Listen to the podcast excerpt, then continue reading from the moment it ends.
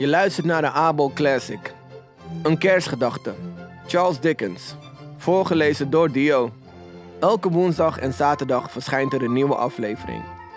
Abonneer je in je favoriete podcast-app, laat een review achter en mis geen enkel luisterverhaal van Abel. Aflevering 5. Een vrolijk kerstfeest. Scrooge werd uitgerust wakker. Lachend ging hij rechtop zitten. Hij leefde. Hij leefde nog. Er was nog geen graf met zijn naam erop. Het was een mooie dag. Er lag nog een hele toekomst voor hem. Scrooge dacht aan zijn oude vriend, Jacob Marley. En hij bedankte hem met zijn hele hart. Dankzij Marley was hij een ander mens geworden. Ik weet niet wat ik moet doen, riep Scrooge, terwijl hij in één adem lachte en huilde.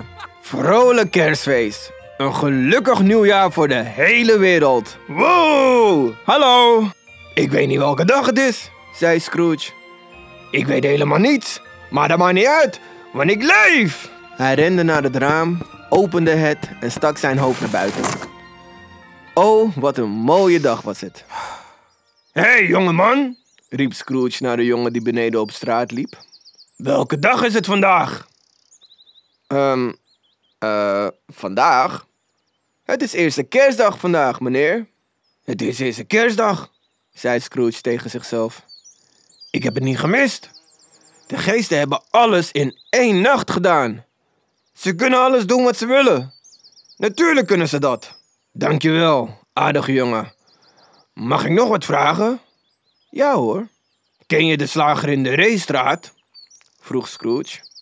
Ja, die ken ik wel, antwoordde de jongen. Wat geweldig!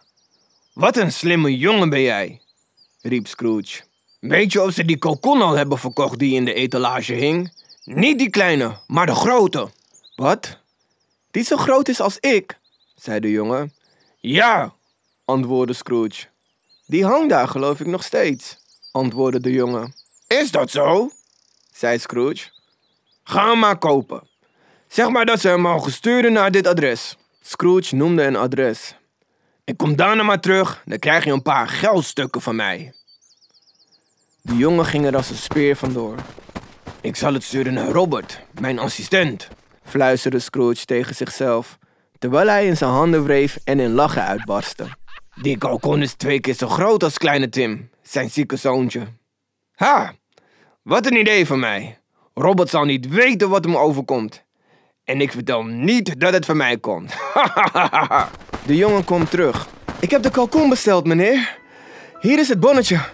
Hij wordt zo meteen naar dat adres gestuurd, meneer. Zei het jongetje, hijgend van het rennen. Ach, jongen toch. Veel dank. Hier heb je je geld, als dank, zei Scrooge. En het deed hem veel plezier om de jongen zo blij te zien. Hij kleedde zich mooi aan en ging de straat op. Het was inmiddels druk geworden en Scrooge lachte naar iedereen met een grote glimlach. Hij zag er zo vrolijk uit dat wel drie vreemden tegen hem zeiden: Goedemorgen, meneer, vrolijk kerstfeest. En Scrooge had nog nooit zoiets geweldigs gehoord. Verderop in de straat zag hij een bekende vrouw. Het was de mevrouw die op kerstavond zijn kantoor was binnengelopen en had gevraagd of hij wat aan de armen wilde geven. Goedemiddag, mevrouw, zei Scrooge vrolijk. De vrouw herkende hem en haar lach verdween meteen van haar gezicht. Maar Scrooge zette door. Hoe gaat het met u? Vroeg Scrooge. Ik hoop dat u gisteren nog veel geld hebt opgehaald. Het was erg aardig voor u. Vrolijk kerstfeest, mevrouw. Ehm, bedankt, meneer Scrooge. En neemt u me niet kwalijk. Ik heb nog een vraag voor u. Ik wil graag wat geven voor de armen. En hij fluisterde een bedrag in haar oor. God zegene me, riep de vrouw. Beste meneer Scrooge, meent u dat serieus?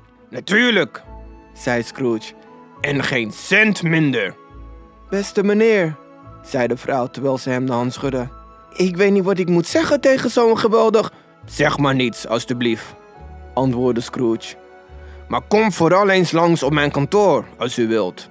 Dat wil ik, riep de vrouw. En het was duidelijk dat ze het meende. Dank u, zei Scrooge. Ik ben u zeer dankbaar. Daarna liep hij naar het huis van zijn neef. Hij liep tientallen keren langs de deur voordat hij de moed had om aan te kloppen. En toen deed hij het. Zijn neef deed de deur open. Fred, zei Scrooge.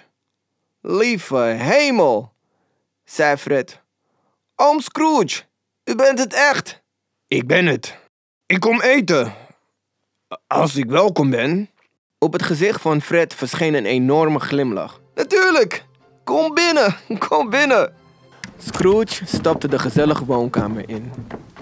In de hoek stond een kerstboom. En op de bank zaten Isabella en Helga.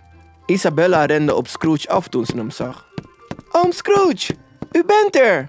Scrooge omhelsde haar en gaf haar het zakje gepofte kastanjes die hij op straat had gekocht.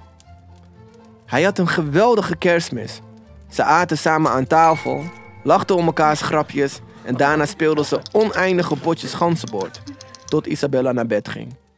De volgende ochtend was hij vroeg op kantoor. Oh, wat was hij vroeg. Hij hoopte dat hij eerder was dan Robert. En dat was gelukt. De klok sloeg acht uur. Geen Robert.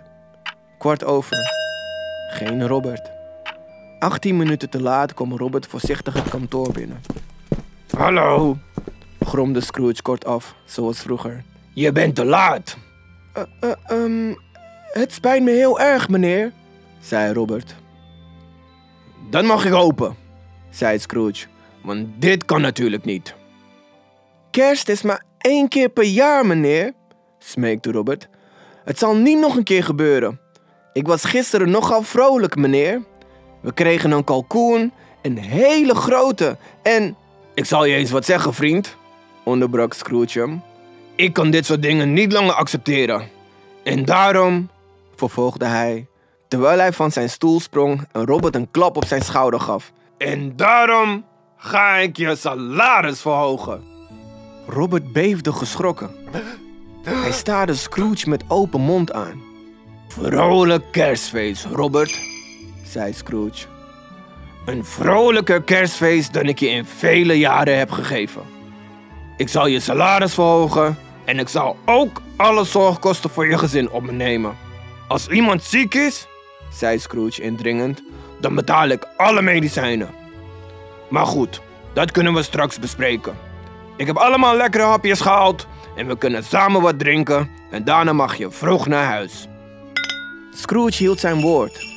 Hij deed het allemaal en oneindig veel meer. En voor kleine Tim, het zieke zoontje van Robert, die na de medicijnen van Scrooge niet meer ziek was, werd hij een tweede vader. Hij werd een goede vriend, een goede baas, een goede oom en een goed mens. Hij had verder geen contact meer met geesten, maar er werd wel altijd gezegd dat Scrooge wist hoe hij een goede kerst kon vieren. Vrolijk kerstfeest allemaal. Einde. Je luisterde naar een Abel Classic. Elke woensdag en zaterdag verschijnt er een nieuwe aflevering. Abonneer je in je favoriete podcast-app, laat een review achter en mis geen enkel luisterverhaal van Abel. Tijd voor audio, tijd voor Abel.